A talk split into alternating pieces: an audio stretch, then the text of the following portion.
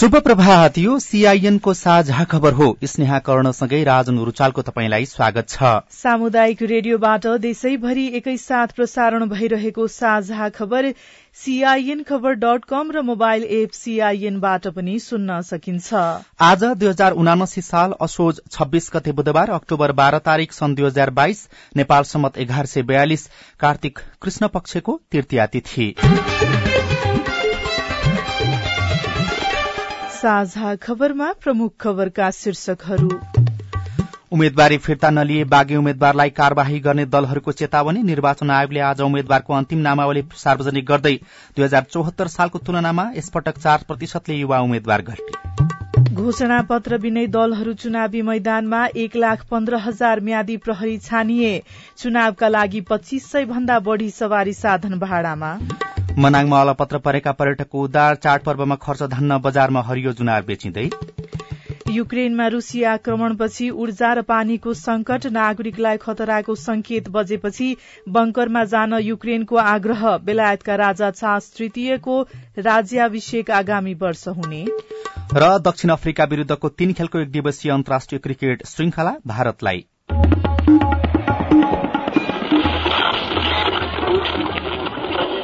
सयौं radio.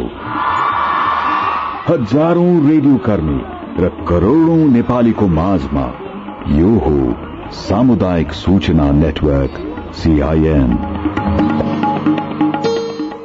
साझा खबरको सबैभन्दा शुरूमा उम्मेद्वारी फिर्ता नलिए बागी उम्मेद्वारलाई कार्यवाही गर्ने दलहरूको चेतावनी सम्बन्धी प्रसंग स्थानीय निर्वाचनमा बागी उम्मेद्वारीका कारण जटिलताको सामना गरेको सत्ता गठबन्धन प्रदेश र प्रतिनिधि सभा निर्वाचनमा बागी विरूद्ध कठोर देखिएको छ। सत्ता गठबन्धनले बागी उम्मेद्वारी फिर्ता लिन निर्देशन र नगरे कार्यवाहीको चेतावनी दिएको छ। गठबन्धनमा सीट बाँडफाँडमा असन्तुष्टि जनाउँदै र पार्टीबाट टिकट नपाएकाले बागी उम्मेद्वारी दर्ता गराएका छन्। टिकट वितरणमा नेतृत्वले मनमौजी गरेको असन्तुष्टि बागीमा देखियो देखिएको छ। हिजो बालुवाटारमा बसेको चार दलका शीर्ष नेताको बैठकले उम्मेद्वारी फिर्ताका लागि तोकिएको समयभित्रै फिर्ता गर्न निर्देशन दिएको हो। निर्देशन अनुसार उम्मेद्वारी फिर्ता नगरे सम्बन्धित पार्टीले निष्कासनको कार्यवाही गर्ने गठबन्धनको निर्णय रहेको छ। यसले निर्वाचन परिणाम प्रभावित गर्न सक्ने आकलन सहित गठबन्धनले निष्कासनसम्मको कार्यवाही गर्ने तयारी गरेको छ। सम्बन्धित पार्टी निकायहरूले पनि यो निर्देशन कार्यान्वयन गराउन सम्पूर्ण प्रयास गर्नुहुनेछ। निर्वाचन आयोगद्वारा निर्धारित समय सीमा छब्बीस असोज दिउँसो एक बजे भित्र त्यस्ता सदस्यले उम्मेद्वारी फिर्ता नलिएमा सम्बन्धित पार्टीले निष्कासन गर्ने बेहोरा अवगत गराइन्छ। बैठकपछि कांग्रेस सभापति शेरबहादुर देउवा माओवादी अध्यक्ष पुष्पकमल दहाल प्रचण्ड एकीकृत समाजवादीका अध्यक्ष माधव कुमार नेपाल र राष्ट्रिय जनमोर्चाका अध्यक्ष चित्रबहादुर केसीले संयुक्त विज्ञप्ति जारी गर्दै उल्लेख गरेका छन्। विपक्षी एमाले पनि बागीमाथि कार्यवाही गर्ने जनाएको छ। एमाले बागी उम्मेद्वारी दिएकालाई फिर्ताका लागि निर्देशन दिइसकेको छ। पार्टीका तल्ला निकायबाट पनि फिर्ताका लागि पहल भइरहेको छ। हामीलाई विश्वास छ साथीहरूले भोलि फिर्ता लिनुहुनेछ। फिर्ता नभएको अवस्थामा पार्टी विधानको व्यवस्था बमोजिम स्वत निष्कासनको कार्यवाही हुने एमाले उपमहासचिव प्रदीप गेवालीले हिजो यो कुरा जानकारी गराउनुभयो राप्रपाले पार्टीको आधिकारिक उम्मेद्वार विरूद्ध बागी उम्मेद्वारी दिनेलाई फिर्ता लिन निर्देशन दिएको छ। प्रतिनिधि सभा र प्रदेश सभाको आसन निर्वाचनमा प्रत्यक्षतर्फ युवा उम्मेद्वारको संख्या थप घटेको छ। प्रमुख राजनैतिक दलले आकांक्षी युवालाई टिकटमा वञ्चित गर्दा दुई हजार चौहत्तरको संसदीय र गत स्थानीय निर्वाचनमा भन्दा कम युवाको उम्मेद्वारी परेको हो। प्रतिनिधि सभाको एक सय पैंसठी सीटमा दुई हजार पाँच सय एकतीस र प्रदेश सभाको तीन सय तीस सीटमा तीन हजार चार सय एकासी गरी कुल छ हजार बाह्र जना उम्मेद्वार छन् जसमध्ये पच्चीसदेखि चालिस वर्षसम्मका उमेर समूहका एक हजार आठ सय त्रिपन्न जना अर्थात तीस दशमलव आठ दुई प्रतिशत मात्रै युवा रहेका छन्। दुई हजार चौहत्तरको निर्वाचनमा चौतिस दशमलव आठ पाँच प्रतिशत युवा उम्मेद्वार रहेका थिए। प्रतिनिधि सभा र प्रदेशसभा सदस्यका लागि उम्मेद्वारी दिएका पाँच हजार एक सय नब्बे जना मध्ये एक हजार आठ सय नौ अर्थात चौतिस दशमलव आठ पाँच प्रतिशत अर्थात प्रतिशत चालिस वर्ष मुनिका थिए। पाँच महिना अघि भएको स्थानीय तहको निर्वाचनमा एक लाख पैंतालिस हजार तेह्र जना उम्मेद्वार मध्ये उनासाठी हजार चार सय बहत्तर जना अर्थात एकचालिस प्रतिशत युवा रहेका थिए। स्थानीय तहमा चालिस वर्ष भन्दा कम उमेरका चौध हजार चार सय चारजना निर्वाचित भएका छन् जुन बहाल मध्ये चालिस प्रतिशत हो। यसपटक प्रतिनिधि सभा सदस्यमा पच्चीसदेखि चालिस वर्ष उमेर समूहका सात सय त्रियासी जना मात्रै उम्मेद्वार रहेका छन् पच्चीस वर्षका उम्मेद्वार बीस जना रहेका छन्। एकचालिसदेखि उनान्सय वर्ष उमेर समूहका एक हजार सात सय अडचालिस जना अर्थात उनासत्तरी प्रतिशत उम्मेद्वार रहेका छन्। आसन्न प्रतिनिधि सभा निर्वाचनमा प्रमुख दलहरूले कैयौं नयाँ अनुहारलाई उम्मेद्वार बनाएका छन्। नयाँ दलबाट मनोनयन दर्ता गरेका र स्वतन्त्र उम्मेद्वार त अधिकांश पहिलो पटक संघीय निर्वाचन लड्दैछन्। कतिपय नयाँ अनुहार समाजमा चर्चित र आश लाग्दा पनि देखिएका छन्। एमाले कांग्रेस माओवादी एकीकृत समाजवादी र जसपाबाट पहिलो पटक निर्वाचन लड्नेको संख्या उल्लेख्य देखिएको छ। लोसपाले पनि अधिकांश पुरानै अनुहार दोहोर्याएको छ। अधिकांश ठाउँमा उम्मेद्वारी दिएको राप्रपाबाट पनि नयाँ अनुहार उल्लेखनीय देखिएका छन्। निर्वाचनमा सत्तारूढ़ दलहरू र विपक्षी एमाले छुट्टा छुट्टै गठबन्धन बनाएर गएकाले सीमित सीट मात्र भागमा परेका छन् जसका कारण सोचे जस्तो नयाँ अनुहारलाई उठाउन नसकिएको केही दलहरूको भनाइ छ। एमाले निर्वाचन विभाग प्रमुख देवेन्द्र दाहालले युवा र नयाँ चालिस प्रतिशतलाई टिकट दिइएको दावी गर्नुभयो। बल्ल तल्ल उम्मेद्वार टुंग्याएका दलहरूले घोषणा पत्र भने सार्वजनिक गर्न सकेका छैनन्। दलहरू लामो समय गठबन्धन तालमेल सीट बाँडफाँड र उम्मेद्वार छनौटमा केन्द्रित हुँदा घोषणा पत्र तयारीमा ढिलाइ भएको हो। राजनैतिक दलहरूले घोषणा पत्र तयारी अन्तिम चरणमा पुगेको र केही दिनमै सार्वजनिक हुने जनाएका छन्। प्रत्यक्षतर्फको उम्मेद्वारी दर्तासम्म आउँदा बनेका सत्ता र विपक्षी गठबन्धनले सामूहिक घोषणा पत्रबारे छलफल समेत गरेका छैनन्। कांग्रेस माओवादी केन्द्र एकीकृत समाजवादी लोसपा र जनमोर्चा सहितको गठबन्धनले आ आफ्नो घोषणा पत्र ल्याउने तयारी गरिरहेका छन्। आसन्न आम निर्वाचनका अधिकांश उम्मेद्वार मनोनयनकै दिनदेखि चुनावी अभियानमा लागिसकेका छन् तर पार्टीको घोषणा पत्र नहुँदा अन्यल भएको कतिपय उम्मेद्वारको भनाइरहेको छ।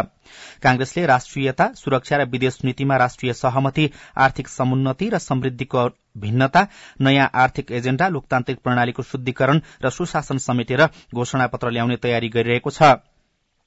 त्यस्तै एमाले सुखी नेपाली समृद्ध नेपाल नारासहित राजनैतिक स्थायित्व राष्ट्रियता र समृद्धिको विषयलाई घोषणा पत्रमा समावेश गर्दैछ भने माओवादी केन्द्रले संविधानको रक्षा समानुपातिक समावेशी संघीयताको व्यवहारिक कार्यान्वयन सामाजिक आर्थिक रूपान्तरण शान्ति प्रक्रियाको बाँकी कार्यभार पूरा गर्ने विषय समेटेर घोषणा पत्रको तयारी गरिरहेको नेताहरूले बताएका छनृ।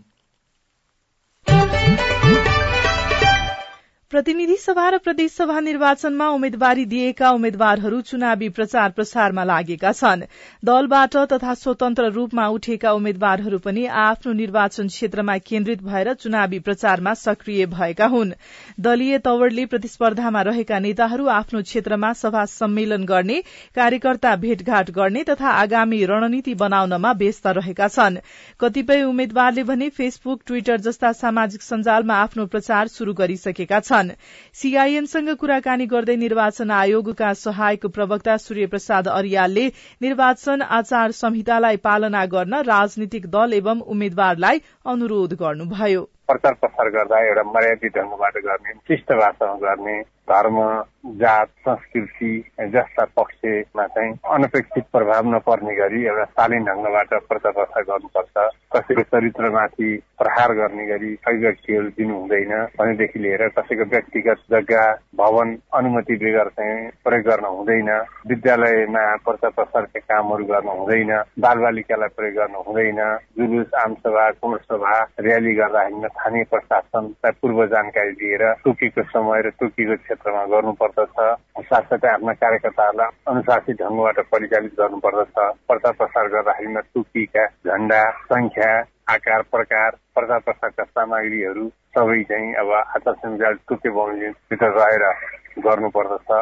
निर्वाचन आयोगले निर्धारण गरेको कार्यतालिका अनुसार हिजो उम्मेद्वारको नामावली प्रकाशन भएको छ। आजसम्म उम्मेद्वारलाई उम्मेद्वारी फिर्ता लिने समय दिइएको छ भने आजै उम्मेद्वारको अन्तिम नामावली प्रकाशन गरिनेछ। आजै चारदेखि पाँच बजेसम्म उम्मेद्वारलाई निर्वाचन चिन्ह प्रदान गर्ने कार्यतालिका पनि निर्वाचन आयोगले निर्धारण गरेको छ। यसैबीच निर्वाचन आयोगले मंगिर चारमा हुने प्रतिनिधि सभा र प्रदेशसभा निर्वाचनका लागि उम्मेद्वारले जरिवाना बुझाएमा मनोनयन दर्ता कायम गर्न निर्देशन दिएको छ। आयोगले मनोनयन पत्रको जाँचबुझ गर्ने समय सीमा भित्रमा जरिवाना रकम बुझाएको निस्सा पेश गरेमा त्यस्ता व्यक्तिको मनोनयन कायम गर्न सबै मुख्य निर्वाचन अधिकृत र निर्वाचन अधिकृतलाई निर्देशन दिएको हो। यस्तै आयोगले आचार संहिता पालना गरे नगरेको बारेमा कड़ाईका साथ अनुगमन थालेको पनि जनाएको छ। आचार संहिताको प्रतिकूल हुने गरी कतिपय सरकारी कर्मचारी तथा सार्वजनिक संस्थामा कार्यरत कर्मचारी विद्यालय तथा विश्वविद्यालयमा सम्बद्ध कर्मचारी प्राध्यापक तथा शिक्षकहरू प्रचार प्रसारमा संलग्न भएको पाइएको भन्दै त्यसो नगर्न पनि आयोगले सचेत गराएको छ।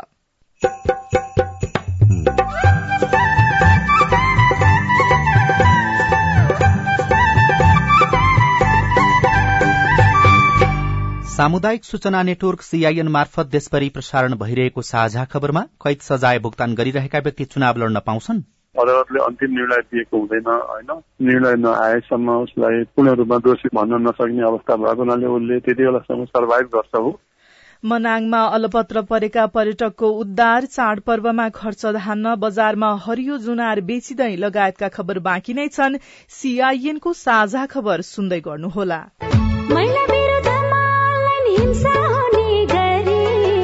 सामाजिक चरित्रमा दाग लगाउन खोज्ने झुटा आरोप लगाएर भरम फैलाउने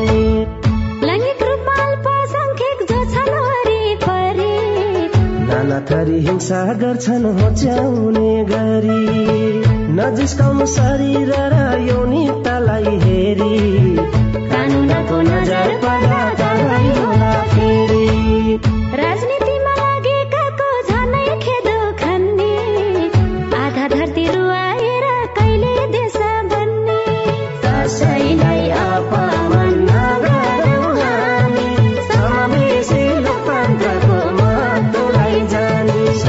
सञ्जाल लगायत अनलाइनमा हुने मिथ्या समाचार दुष्प्रचार र घृणा जन्ने अभिव्यक्ति कानूनी रूपमा दण्डनीय छ। अनलाइन हिंसा नगरौं र नसहौं। युएसएआईडी र एनडीआई नेपालको आर्थिक तथा प्राविधिक सहयोगमा पर्पल फाउन्डेसनको चेतनामूलक सन्देश।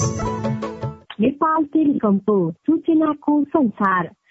होइन के सुनेको यस्तो ध्यान दिएर दोहोरो बोलेको जस्तो नि देख्दिन। तिन दुई एक शून्य शून्य क्या? तिन दुई एक शून्य शून्य। के हो त्यो भने? बुझिन त। ल सुन एनटिसी प्रयोगकर्ताहरूले आफ्नो मोबाइल तथा ल्यान्डलाइनमा तीन दुई एक शून्य शून्य डायल गरी समाचार रेडियो कार्यक्रम खेल र अन्य विषय बारे सन्देशहरू जुनसुकै बेला निशुल्क सुन्न सक्छन्। ओहो निशुल्क? कस्तो सजिलो। समाचार सुन्न छुट्यो भनेर पिर लागेको थियो। अब त म पनि सुनिहाल्छु। कति रे? तिन दुई एक। शून्य शून्य सामाजिक रूपान्तरणका लागि यो हो सामुदायिक सूचना नेटवर्क सीआईएन तपाईँ अहिले देशभरिका सामुदायिक radio CIN Khabar dot com र मोबाइल एप सीआईएनबाट एकैसाथ साझा खबर सुन्दै हुनुहुन्छ। मोबाइल एप नेपाली पात्रोबाट पनि सीआईएनको साझा खबर सुनिरहनु भएको छ। अब आज काठमाडौँबाट प्रकाशित पत्र पत्रिकाको खबर। कान्तिपुर दैनिकको भित्री पृष्ठमा छानिए एक लाख पन्ध्र हजार म्यादी शीर्षकमा खबर लेखिएको छ। निर्वाचन सुरक्षार्थ एक लाख पन्ध्र हजार म्यादी प्रहरी छनौट भएका छन्। चालिस दिनको कार्य अवधि तोकेर प्रहरी प्रधान कार्यालयले भदौ तीस गतेदेखि असोज छ गतेसम्म आवेदन खोलेकोमा आइतबार सतहत्तरवटै जिल्ला प्रहरी कार्यालयबाट अन्तिम नतिजा प्रकाशन गरिएको हो। सबैभन्दा बढ़ी मध्य प्रदेश र सबैभन्दा कम कर्णाली प्रदेशमा म्यादी प्रहरी भर्ना भएका छन्। जिल्लागत रूपमा सबैभन्दा बढ़ी मोरङमा तीन हजार छ सय सोह्र झापामा तीन हजार चार सय नब्बे जना र धनुषामा तीन हजार चार सय छयासी जना छनौट भएका छन्। त्यस्तै सबैभन्दा कम मनाङमा दुई सय अठाइस मुस्ताङमा दुई सय पचासी र रसुवामा तीन सय तीस जना रहेका छन्। सरकारले निर्वाचनको सुरक्षार्थ नेपाल प्रहरी र सशस्त्र प्रहरी बलका लागि दुई हजार पाँच सय छप्पन्नवटा सवारी साधन भाड़ामा लिन सहमति दिएको छ। दुवै सुरक्षा निकायका लागि चाहिने सवारी साधन किन्न बजेट अभाव देखाउँदै अर्थ मन्त्रालयले पन्ध्र दिनका लागि भाड़ामा लिने गरी अस्थायी व्यवसाय व्यवस्थापन गर्न बजेट दिएको हो। कान्तिपुर दैनिकको पहिलो पृष्ठमा विष्णु पौडेलका मुख्य प्रतिस्पर्धीको उम्मेद्वारी खारेज शीर्षकमा खबर छापिएको छ। प्रतिनिधि सभा सदस्यका लागि रूपन्देही दुईबाट गठबन्धनका उम्मेद्वार एकीकृत समाजवादीका राजु गुरूङको उम्मेद्वारी निर्वाचन आयोगले खारेज गरिदिएको छ। एकीकृत समाजवादीका सम्मानित नेता झलनाथ खनालका छोरा सहित सँग जोडिएको बैंकिङ कसुरको मुद्दामा मुद्दाका कारण गुरूङको उम्मेद्वारी खारेज भएको बताइएको छ। उहाँ एमाले उपाध्यक्ष विष्णु पौडेलसँग प्रतिस्पर्धी हुनुहुन्थ्यो। त्यही क्षेत्रमा हाम्रो नेपाली पार्टीका कमल भूषाल र स्वतन्त्रबाट उठेका हिमाल बस्यालको उम्मेद्वारी पनि खारेज भएको बताइएको छ। त्यस्तै राजधानी दैनिक लगायतका पत्र पत्रिकाले रेशम चौधरीको उम्मेद्वारी खारेज भएको खबर छापेका छन्। नागरिक उन्मुक्ति पार्टीको तर्फबाट बर्दिया दुईमा प्रतिनिधि सभा सदस्यको उम्मेद्वार बन्नुभएका रेशमलाल चौधरीको उम्मेद्वारी खारेज भएको छ। टिकापुर घटनामा दोषी ठहर भई कारागारमा रहेका चौधरीको उम्मेद्वारी खारेज भएको बताइएको छ। उहाँ विरूद्ध सोमबार उजुरी परेको थियो। कैलालीका निर्वाचन अधिकृत नगेन्द्र लम्सालले चौधरीको उम्मेद्वारीमाथि परेको उजुरी उप जाँचबुझ गर्दा आवश्यक प्रमाण भेटिएपछि उहाँको उम्मेद्वारी खारेज भएको बताउनु भएको छ। मनाङबाट हेलिकप्टरमा पर्यटकको उद्धार गरिएको खबर कान्तिपुरको भित्री पृष्ठमा लेखिएको छ। दशैं यता चक्रिय अन्नपूर्ण पद मार्गको हिमाली जिल्ला मनाङमा हिमपात र अविरल वर्षाका कारण अलपत्र परेका दुई सय जनाको हेलिकप्टर मार्फत उद्धार गरिएको छ। एक साताको अवधिमा पाँच सय अठहत्तर पर्यटक पदयात्राबाट बाहिरिएको अन्नपूर्ण संरक्षण क्षेत्र आयोजनाले जनाएको छ। हेलिकप्टरले भने पाँच दिनेता पर्यटकको उद्धार गरिरहेको छ। पर्यटन व्यवसायी समिति मनाङका अध्यक्ष विनोद गुरूङका अनुसार माथिल्लो मनाङ गाउँबाट हिजो मात्रै दसवटा हेलिकप्टरले पर्यटक काठमाडौँ पुर्याएको छ। मंगलबार मात्रै चारजना पर्यटक चालिसजना पर्यटक ल्याइएको पनि उहाँले बताउनुभयो। चाडबाडको खर्च धान्न बजारमा हरियै जुनार शीर्षकमा अर्को खबर लेखिएको छ। चाडपर्वमा हुने खर्च धान्न किसानले सिजन अघि नै हरियो जुनार बिक्री शुरू गरेका छन्। दशैं तिहार छठ लगायत चाडपर्वमा पैसाको जोहो गर्न हरियो जुनार बिक्री गर्नु परेको किसानले बताएका छन्। थोरै परिमाणमा फल दिने बोट हुने किसानको चाडपर्वमा हुने खर्च जुटाउनका लागि जुनार भरपर्दो बन्दै आएको छ। पहेलपुर भएर दाना परिपक्व भएपछि बजारमा लैजानु पर्ने जुनार हरियोमै बिक्री गर्दा व्यावसायिक असर पर्ने गुनासो भने कायमै रहेको छ। राजधानी दैनिकमा सात दिनमा अडचालिस जनाको बाढ़ी पहिरोमा परि मृत्यु भएको र सत्ताइस जना बेपत्ता भएको खबर छापिएको छ। मनसूनजन्य विपदका कारण बितेका सात दिनमा अडचालिस जनाको ज्यान गएको हो। गृह मन्त्रालय अन्तर्गतको राष्ट्रिय आपतकालीन कार्य सञ्चालन केन्द्रको तथ्याङ्क अनुसार उन्नाइस असोजबाट यता मंगलबारसम्म भएका एक सय उनाचालिसवटा प्राकृतिक विपदका घटनामा अडचालिस जनाको मृत्यु भएको छ भने सत्ताइस जना बेपत्ता भएका छन्। साझा खबरमा अब हेलो सीआईएन उषा तामाङबाट। अछामबाट पूर्णिमा तिमल सिन्हा सोध्नुहुन्छ। अहिले अछामको पञ्चदेवल विनायक नगरपालिका एकमा रहेको श्री जालकिशोरी माध्यमिक विद्यालयमा अध्ययनरत छात्र हुँ हाम्रो विद्यालयका कुनै पनि विद्यार्थीहरूले विद्यार्थी परिचय पत्र पाएका छैनौँ यसको लागि कहाँ के गर्नुपर्छ होला? तपाईँको जिज्ञासा समाधान गरिदिनका लागि हामीले पञ्चदेवल विनायक नगरपालिकाका प्रमुख प्रशासकीय अधिकृत शिव प्रसाद रेग्मीलाई भनेका छौं। विद्यार्थी परिचय पत्र विद्यालयबाट पाउने हो। अब यसको लागि म हेड टिचरलाई कुरा गर्छु छिटो प्रबन्ध गर्ने व्यवस्था गर्छु। त्यो पाउने चितवनको पर्साबाट रञ्जिता बस्नेत हाम्रो फेसबुक मार्फत सोध्नुहुन्छ एकपटक डेंगी संक्रमण भइसकेको व्यक्तिलाई पुनः संक्रमण हुन्छ कि हुँदैन होला? जवाफ दिँदै हुनुहुन्छ स्वास्थ्य तथा जनसंख्या मन्त्रालयका प्रवक्ता डाक्टर सञ्जय कुमार ठाकुर। डेङ्गुको चारवटा प्रजाति हुन्छ भाइरस। चारवटा virus dengue V one dengue V two dengue V three dengue V four भन्ने चारवटा हुन्छ कि? पहिलो चोटिमा डेन भी वानले गर्यो इन्फेक्सन अब अर्को चोटिमा डेन भी टूले गर्यो भने रोग लाग्छ र त्यो पहिलोको भन्दा अलिक कडा खालको लाग्छ। लाग्छ नलाग्ने होइन झन् कडा खालको लाग्छ। अब नेपालमा चारवटै प्रजाति छ छैन? अपुष्ट रूपमा चारवटै प्रजाति छ भन्छ। यस वर्षदेखि हामीले त्यो सेरो सब टाइपको स्टडी गर्दैछौँ EDCD vector borne disease control लगायत सम्पूर्ण मिलेर गर्दैछौँ। सबभन्दा बढी DEN V one DEN V two छ नेपालमा। त थ्री र फोर पनि छ भन्ने आशंका छ त्यही हिसाबले स्टडी हुँदैछ। जति जुन प्रजातिले गरे पनि लामखुट्टेले सार्ने हो। लामखुट्टेको टोकाइबाटै बच्ने हो र लामखुट्टे वृद्धि विकास रोक्ने हो र यसको फुल पार्ने लार्वा सबैलाई नष्ट गर्ने हो खास गरेर वर्षा सिजनमा। जवाही बनाई नगरपालिकाबाट। मेरो बुबाको मृत्यु पश्चात तीन छोराहरू छन्। अब सामाजिक सुरक्षा भत्ता एक किस्ता छ त्यो रकम बाह्र हजार छ। तिनै छोराले पाउँछ कि एकैजनाले पाउँछ?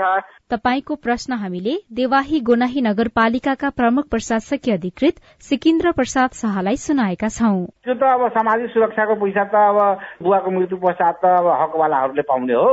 अब हकवाला भनेको छोरा हो। अब छोरा अब तिनजना हो तिनैजनाले सम्मति गरेर आयो भने हामी फुकुवा गरिदिन्छु भनेको छु। तपाई जुनसुकै बेला हाम्रो आइभीआर नम्बर शून्य एक बान्न साठी छ चार छमा फोन गरेर आफ्नो विचार गुनासो प्रश्न तथा प्रतिक्रिया रेकर्ड गर्न सक्नुहुनेछ।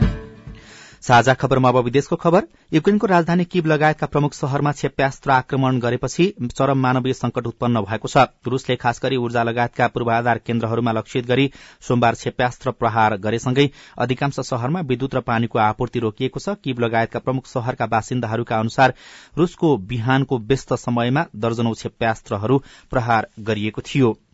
यसैबीच रूसको रक्षा मन्त्रालयले जानी जानी युक्रेनको ऊर्जा र सैन्य भौतिक संरचनामाथि मिसाइल आक्रमण गरेको स्वीकार गरेको छ।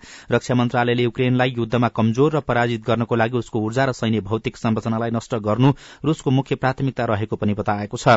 रूसी आक्रमणपछि पुनः सर्वसाधारणलाई खतराको संकेतमा साइरन बजेपछि बंकरमा बस्न युक्रेनी सरकारले आग्रह गरेको छ र बेलायतका राजा चार्ल्स तृतीयको राज्याभिषेक आगामी वर्ष हुने भएको छ। बेलायतको वेस्टर मिनिस्टर वेस्ट मिनिस्टर अवेमा भव्य कार्यक्रमको आयोजना गरी सन् दुई हजार तेइसको मे महिनामा उहाँको राज्याभिषेक गरिने भएको हो। बेलायती राजपरिवारको परम्परा अनुसार राजा चार्ल्स तृतीयका साथै उहाँका श्रीमती कन्सोर्ट पनि राज्याभिषेकमा सहभागी हुनुहुनेछ। अब खेल खबर नवराष्ट्रिय खेलकुद प्रतियोगिता अन्तर्गत फेन्सिङमा तीनजनाले स्वर्ण पदक हात पारेका छन्। पोखराको ब्याडमिन्टन कवर्ड हलमा एकल सेवरतर्फ एपीएफका राजेन्द्र गजुरेल महिलातर्फको फोयलमा आर्मीका रमा सिंह र पुरूषतर्फको इपीमा बागमती प्रदेशका ओमकार सिंहले स्वर्ण पदक जितेका हुन्। सेवरमा नेपाल आर्मीका उपेन्द्र बहादुर शाहीले रजत पदक जित्नु भएको छ भने आर्मीकै रघुवीर चन्द्र र एपीएफका खेमराज खत्रीले काश्य पदकमा चित्त बुझाउनु पर्यो। महिलातर्फको फोयलमा एपीएफका मनिषा राईले रजत एपीएफकै मनिषा थापा र अनिसा अधिकारीले काश्य पदक जितेका छन्। पुरूषतर्फ इपीमा आर्मीका राम थापाले रजत पदक जित्दा गण्डकी प्रदेशका विजय अधिकारी र एपीएफका मीन कार्कीले काश्य पदक जितेका हुन्। दक्षिण अफ्रिका विरूद्धको तीन खेलको एक दिवसीय अन्तर्राष्ट्रिय क्रिकेट सिरिज भारतले जितेको छ। भारतको दिल्ली स्थित अरूण जेटली क्रिकेट रंगशालामा हिजो भएको खेलमा दक्षिण अफ्रिकालाई सात विकेटले हराउँदै भारतले सिरिज दुई एकले जितेको हो। टस हारेर पहिले ब्याटिङ गरेको दक्षिण अफ्रिकाले सताइस दशमलव एक बल खेल्दै सबै विकेट गुमाएर उनान्से रन मात्र बनाउन सक्यो र युएफए च्याम्पियनशीप लीग फुटबलमा इङ्ग्लिस क्लब म्यान्चेस्टर सिटी र एएफसी कोपनहेगन बराबरीमा रोकिएका छन्। समूह चरण अन्तर्गत गैराती भएको खेलमा दश खेलाड़ीमा समेटिएको सिटीले पाएको अवसरमा गोल गर्न चुक्दा बराबरीमा अंक बाँड्नु परेको हो। यस्तै पीएसजी र बेन्फिकाले एक एकको बराबरी खेलेका छन् भने डर्टमुन्ड र सेभिल्लाले पनि एक एकको बराबरी खेलेका हुन्। कैद सजाय भुक्तान गरिरहेका व्यक्तिलाई उम्मेद्वार बन्न दिने व्यवस्था त्रुटिपूर्ण रेडियो कुराकानी अरू खबर र कार्टुन पनि बाँकी नै छ। सीआईएनको साझा खबर सुन्दै गर्नुहोला। रमा दिदी। फेरि चुनाव लागे जस्तो छ नि कताको यात्रा हो? तल चौतारीमा आज सबै पार्टीका अध्यक्षहरू आउने रे। महिलालाई टिकट देऊ भनेर दबाब दिन हिँडेको। भनेपछि महिला उम्मेद्वारको पक्षमा महिलाको र्याली अनि दिदी महिलालाई उम्मेद्वार बनाउन तयार हुन्छन् त पार्टी र पुरुष नेताहरू? संविधानले तेत्तीस प्रतिशत महिला सहभागिता गराउनु पर्ने भनेको छ। त्यसैले अब महिला उम्मेद्वारलाई मतदान गरी जिताउनु पर्छ क्या? अनि महिला नै किन?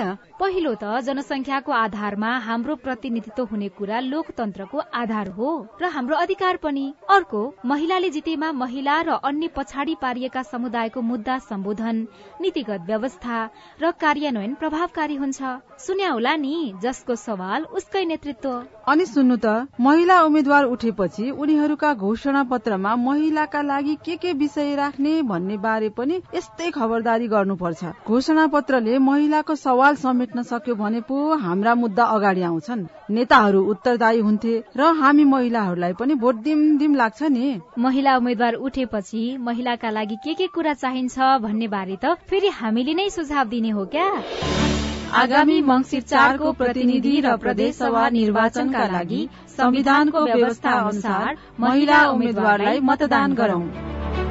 महिला पुनस्थापना केन्द्र ओरेक नेम्स केयर नेपाल र सामुदायिक सूचना नेटवर्क सीआईएन सामाजिक रूपान्तरणका लागि यो हो सामुदायिक सूचना नेटवर्क सीआईएन साझा खबरमा अब निर्वाचन कानून र अपराध आरोपी उम्मेद्वारको प्रसंग। अहिलेको निर्वाचन कानूनले विभिन्न अपराधको आरोपी वा सजाय भुक्तान गरिरहेकालाई चुनावमा उम्मेद्वारी दिन रोकेको छैन तर त्यस्ता व्यक्ति निर्वाचित भए पदमा बहाल नहुने व्यवस्था छ। यस्तो अन्यलपूर्ण कानून संशोधनको आवश्यकता र विगतको अभ्यासका बारेमा साथी लीलप्रकाश चन्दले पूर्व प्रमुख निर्वाचन आयुक्त नीलकण्ठ उप्रेतीसँग कुराकानी गर्नु भएको छ। सजाय पाउने भइसकेपछि स्वत पदमा त्यो व्यक्ति त्यहाँ रहनु हुँदैन भन्ने हो। त्यही नै परम्परा हो संसारभरि अपिल गरिराखेको हुन्छ। उसले चाहिँ अदालतले अन्तिम निर्णय दिएको हुँदैन होइन? निर्णय नआएसम्म उसलाई पूर्ण रूपमा दोषी भन्न नसक्ने अवस्था भएको हुनाले उसले त्यति बेलासम्म सर्भाइभ गर्छ। हो निर्वाचन जितिसकेपछि पनि ऊ चाहिँ संस्थामा रहन्छ भन्ने मेरो धारणा र मैले बुझे अनुसार त्यस्तो हो। अरू देशमा गरेको अभ्यास जस्तै आरोपित छ र त्यो व्यक्तिले निर्वाचनको बेलामा उठ्न सक्ने र कैद सजाय नै भोगिराखेको व्यक्तिले उम्मेद्वारी दिएछ भने उसले जितेछ भने उसको पद कायम नरहने यो व्यवस्था पनि अन्तर्राष्ट्रिय स्तरकै हो कि अथवा नेपालको आफ्नै व्यवस्था हो? नेपालको यो अलिकति कन्फ्युजन छ यहाँ हाम्रो व्यवस्थामा हाम्रो कानूनमा केही सुधार गर्नुपर्ने आवश्यकता हुन्छ। आरोपित व्यक्तिले मात्रै उम्मेद्वारी दिन पाउने अथवा जन्मकैद कसैले भोगिराखेको छ त्यो जन्मकैद भोग्नु भनेको त अदालतले गरेको फैसला चाहिँ के छ भने अदालतको फैसला जिल्ला लेभलको माथिल्लो लेभलको त्यस सर्वोच्चसम्मको अन्तिम अदालत सम्म नपुगेर त्यहाँबाट टुङ्गो नलागेसम्म ऊ जाँदै गएन। पहिलो अदालतले निर्णय दिएपछि चाहिँ ऊ चाहिँ पुनरावेदनमा गएन भने चाहिँ त उसको अन्तिम निर्णय त्यही हो र त्यसैको आधारमा उसले उम्मेदवारी दिन पाउँदैन र रहन पाउँदैन। तर ऊ आफ्नो न्याय मागमा माथिल्लो लेभलसम्म गइरहेछ र उसको मुद्दा टुङ्गिएको छैन भने उम्मेद्वार बन्नबाट रोकिनु पर्छ जस्तो मलाई लाग्दैन। हामी सबैलाई कन्फ्युज हुने स्थिति सिर्जना गरिरहनु हुँदैन। यसमा चाँडैभन्दा चाँडै पुनरावलोकन गरेर अन्तर्राष्ट्रिय प्र्याक्टिसलाई पनि आत्मसात गरेर लोकतान्त्रिक मुलुकहरूले गर्ने काम गरेर यसलाई टुङ्ग्याउनुपर्छ भन्ने मलाई लाग्छ। भनेपछि निर्वाचन आयोगले भन्दा पनि राजनैतिक दलहरूले नचाहेका कारण अथवा चाहेको खण्डमा मात्रै यो संशोधन हुने भयो। अब निर्वाचन आयोगले इनिसिएट त गर्नुपर्छ कारवाही अगाडि बढाउनुपर्छ निर्वाचन आयोगले सम्बन्धित मन्त्रालय मार्फत संसदले गर्नुपर्छ। त्यो निर्वाचन आयोगले कहाँ कहाँ दुविधा छन् र कहाँ कहाँ कम्प्लिकेसन्सहरू छन् जटिलताहरू छन् ती जटिलतालाई चाहिँ प्रयोगमा ल्याउनलाई सहज हुने किसिमले चाहिँ काम गर्नुपर्छ। जस्तो मलाई लाग्छ त्यो निर्वाचन आयोगले इनिसिएट गर्नुपर्छ। तपाईँको कार्यकालमा चाहिँ यसको लागि अग्रसरता लिएको थिएन त्यसो भए? त्यति बेलाको चाहिँ कुरा के भयो भने खास गरेर संविधान सभाका निर्वाचन दुईटा निर्वाचनमा हामी संलग्न भयौँ। दुइटै निर्वाचनमा हामीहरूलाई यो चाहिँ खालको कम्प्लिकेसन पटक्कै आएको थिएन। विभिन्न आरोप लागेर मुद्दा झेलिराख्नु पर्ने त्यस कारणले गर्दाखेरि यो विषय संशोधन गरेर यदि कुनै आरोप लागेको व्यक्तिलाई निर्वाचनमा उम्मेद्वारी दिनबाट रोकियो भने आफू पनि त्यसमा रोकिएला कि भन्ने शीर्ष नेताहरूको मनसायले यहाँ कहीँ न कहीँ काम गरेको छ भनेर बाहिर सुनिन्छ। तपाईँलाई चाहिँ कस्तो लाग्छ? आफ्नो अनुहार हेरेर कानून बनाउने होइन राष्ट्रको र लोकतन्त्रको अनुहार हेरेर कानून बनाउने हो। लोकतान्त्रिक मुलुकमा लोकतान्त्रिक पद्धतिमा प्रक्रियामा विधिमा चाहिँ के गर्दाखेरि चाहिँ लोकतन्त्र बलियो हुन्छ सबैले बराबर खालको न्याय पाउँछन् मौका पाउँछन् भन्ने विषयमा विचार गरेर गरिन्छ जस्तो मलाई लाग्छ। कुराकानीसँगै हामी साझा खबरको अन्त्यमा आइपुगेका छौं। सामुदायिक रेडियो प्रसारक संघद्वारा संचालित सीआईएनको बिहान छ बजेको साझा खबर सक्नु अघि मुख्य मुख्य खबर फेरि एकपटक। उम्मेद्वारी फिर्ता नलिए बागी उम्मेद्वारलाई कार्यवाही गर्ने दलहरूको चेतावनी। निर्वाचन आयोगले आज उम्मेद्वारको अन्तिम नामावली सार्वजनिक गर्ने। दुई हजार चौहत्तरको तुलनामा यसपटक चाल चार प्रतिशतले युवा उम्मेद्वार घटे। घोषणा पत्र विनयी दलहरू चुनावी मैदानमा एक लाख पन्ध्र हजार म्यादी प्रहरी छानिए। चुनावका लागि पच्चीस सय भन्दा बढ़ी सवारी साधन भाडामा। मनाङमा अलपत्र परेका पर्यटकको उद्धार चाडपर्वमा खर्च धान्न बजारमा हरियो जुनार बेचिँदै पछिल्लो एक सातामा बाढ़ी पहिरोमा परि अडचालिस जनाको मृत्यु। युक्रेनमा रूसी आक्रमणपछि ऊर्जा र पानीको संकट नागरिकलाई खतराको संकेत बजेपछि बंकरमा जान आग्रह बेलायतका राजा चार्ल्स तृतीयको राज्याभिषेक आगामी वर्ष हुने। र दक्षिण अफ्रिका विरूद्धको तीन खेलको एक दिवसीय अन्तर्राष्ट्रिय क्रिकेट सिरिज भारतलाई। साझा खबर कन्तेमा कार्टुन लिएका सोनया पत्रिका दैनिकबाट रवि मिश्रले बनाउनु भएको कर्नर किक शीर्षकको कार्टुन रहेको छ। यहाँ एकजना नेता जस्ता देखिने व्यक्ति छन् कालो चस्मा ढल्काएका छन् फूलमाला पनि लगाएका छन् चिटिक्क परेर हिँडेका छन् खास गरी उनले टिकट पाएका छन् भर्खरै उम्मेद्वारको। त्यसकारण पनि एकजना पत्रकार उनलाई केही सोधिरहेका छन्। साइनो र सम्बन्ध बिना अहिले टिकट पाउन निकै मुस्किल देखिएको छ। सबै दलमा त्यस्तै हालत देखिएको छ। कुनै कुनै हिसाबले साइनो सम्बन्ध भए पछाडि मात्रै टिकट पाउने प्रवृत्ति बढ़दै गएको भनेर व्यापक विरोध पनि भइरहेको छ। त्यही कुरालाई व्यङ्ग्य गरिएको छ र माथि चाहिँ यस्तो लेखिएको छ। टिकट पाउनु भरे कुन साइनोबाट? हवस् त प्राविधिक साथी सुभाष पन्तलाई धन्यवाद। अहिलेलाई राजन रुचाल र स्नेहा कर्ण विदा भयौं। तपाईँको आजको दिन शुभ होस्। नमस्कार।